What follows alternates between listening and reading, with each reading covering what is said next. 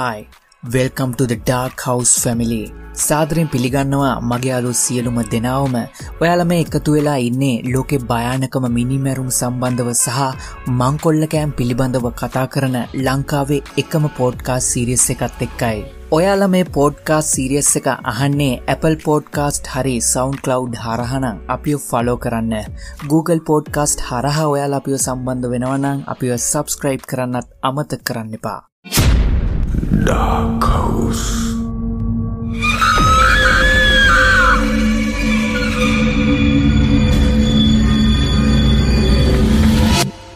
මරණේ හරද සාක්ෂිය දෙදස් හතේ ජූලි විසි දෙක ජෙනිෆර්ගේ පවුලේ අයට නං එදා දවසත් සාමාන්‍ය දවසක්. ඒ පවුලේ හිටපු වැඩිමහල් දුවවන රෝසිට කෑම හදන්න ඕන වුණා. ඒ ගෑනුළමයා තමන්ගේ මවවන ජෙනිෆර්ට කියනවා අද පවුලේ හැමෝටම මගේ ගානේ කෑම හදල දෙනවා කියලා. අම්මා අද මං ඕලට පොඩි සෙප්‍රයිස් එකක් දෙනවා. අද මම මගේ අතින්ම ගෙදර හැමෝටම බුරියානි හදලා දෙනවා. ඒක නම් මරු තාත්තත් ඒකට කැමති වෙයි. ඔයා එනවද මාත් එක්ක සුපර් මාකට් එකට යන්න? හරි අපි යමු. Dark House.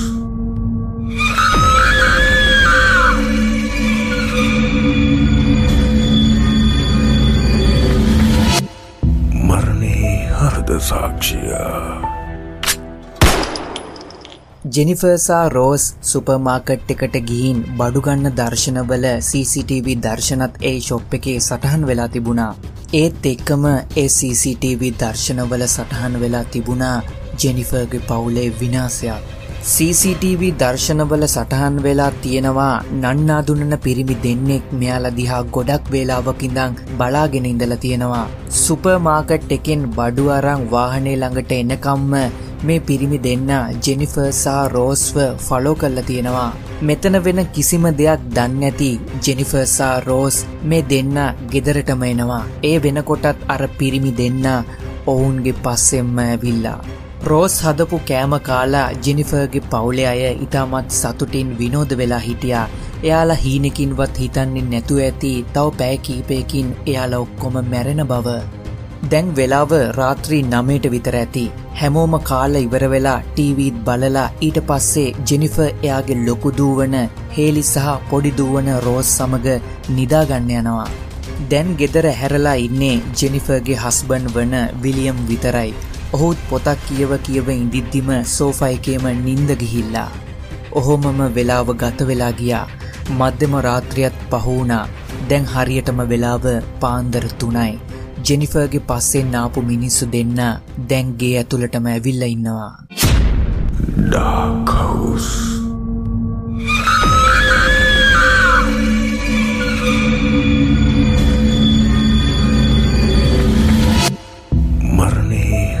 සාක්ෂිය.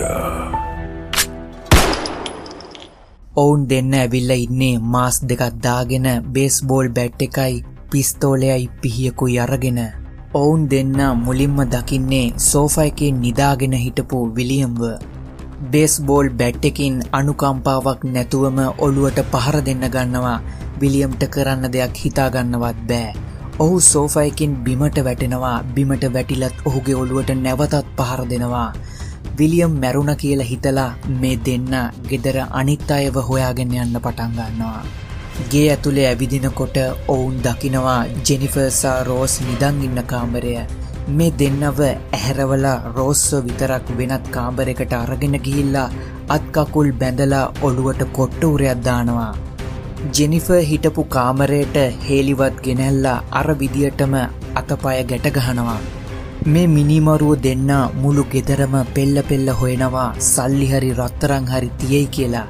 හැබැයි ඔවුන්ට කිසිම දෙයක් හම්බුනේ නෑ. හැබැයි ඔවුන්ට හමුණා ජෙනිෆර්ගේ බෑංක කවුන්් එක එක සල්ලි තියෙනවා කියලා ඔවුන් දැක්කා. ඔවුන් තවත් ප්ලෑන් එකක් සැලසුම් කරා මේ මිනිමරුව දෙන්නගෙන් එක්කෙනෙක් ළඟම තියෙන පෙට්‍රල් ෂෙඩ් එකට ගිහිල්ලා පෙට්‍රල් කෑන් එකක් අරගෙනෙනවා.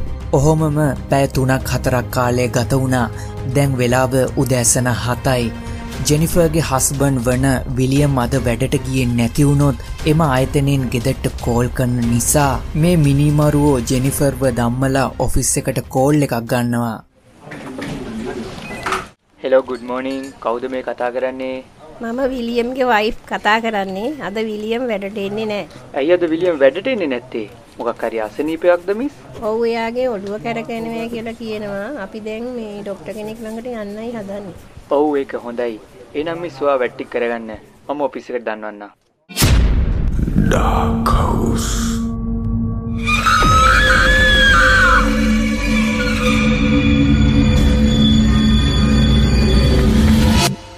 මරණේ හරද සාක්ෂිය දැන් වෙලාව උදෙන් නමයයි මිනි මරුවන්ගෙන් එක්කෙනෙක් ජෙනිෆ එක්ක බැංකුවට යන්න ලෑස්ති වෙනවා. බැංකු එකවුන්් එකෙන් සල්ලි ගන්න.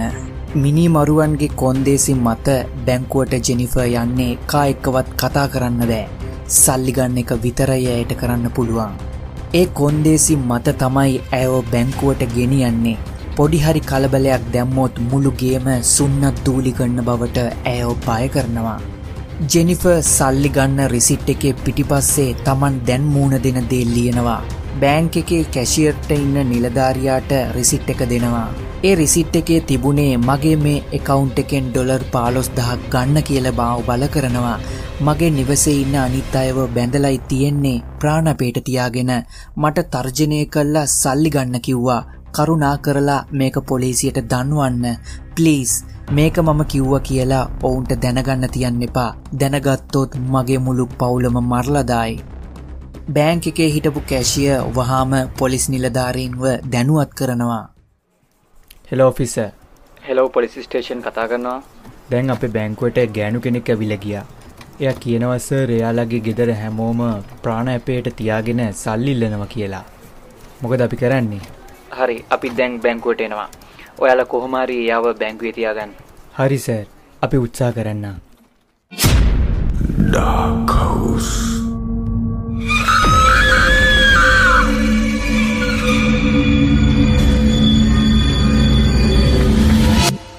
මරණේ හරද සාක්ෂිය ජෙනිෆර් සල්ලිත් අරගෙන බැංකුවෙන් එලියට ඇවිල්ලා කාර් එකේ නැගලා යනවා. ඒත් එක්කම තමයි පොලිසියත් බැංකුවට එන්නේ. පොලිසිය ඇත්තටම හිතුවේ බැංකුව මංකොල්ල කන්නාපු කාන්තාවක් කියලා. පොලිසිය පස්සෙ තමයි දැනගන්නේ මේ කේස් එක ගැන පොලිසිය වහාම ජෙනිෆර්ගේ ගෙදරට යනවා. එතකොටත් මුළු ගෙදරම ගිනිගන්නවා. මුළු ගෙදරම ගිනි තියලා තියෙන්නේ කලින් අරන්තියාගත්ත පෙට්‍රල් වලින්. පොලිසිය එන බව දැනගත්ත මිනිමරුව දෙන්න පලා යනවා. ඔවුන්ට වැඩිදුරක් යන්න හම්බුනේ නෑ පොලිස් අත්තඩංගුවට පත් වනා. ගිනි නිවන හමුදාව ඇවිල්ලා මුළු ගෙදරම පැතිරුණු ගින්න නිවනවා.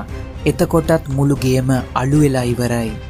සෝෆයිකෙන් බිමට වැටිලා මැරිල කියල හිතපු විලියම් ලේ පෙරාගෙන පිටිපස්ස දොරෙන් එලියට එනවා. ඒත් එක්කම ඔහුව රෝහල් ගත කරනවා ඒ වෙලාවේ ඔහුවත් දන්නේ නෑ ඔහුගේ පවුලේ අයට මොකද වුණේ කියලා. ජෙනිෆර්ව බැංකුවෙන් ගෙදරට අරගෙනාවට පස්සේ ඇයට දරුණු විදියට පහරදීලා බෙල්ලහිර කරලා මරලදාලා. හේලි සහ රෝස්වත් බෙල්ලහිර කල්ලයි මරල තියෙන්නේ ඊට පස්සෙ තමයි මුළු ගෙදරටම පෙට්‍රල් දාලා ගිනි තියල තියෙන්නේ. මේ මිනිමරුව දෙන්නව දෙදස් දොළහැ ජීවිතාන්තය දක්වා සිරදඩුවමකට ලක්වෙනවා. අපේ මේ පෝඩ්කා සිරියස්සෙක් ගැන ඔයාගේ යම් කිසි අදහසත් තියෙනවන ඒක පල්ලෑ කමෙන්ට් සෙක්ෂන් එක කමෙන්ට් කරන්නත් අමත කරන්න එපා. අපි ඊළඟ දවසෙත් හම්බුවමු හැමෝටම ජයවේවා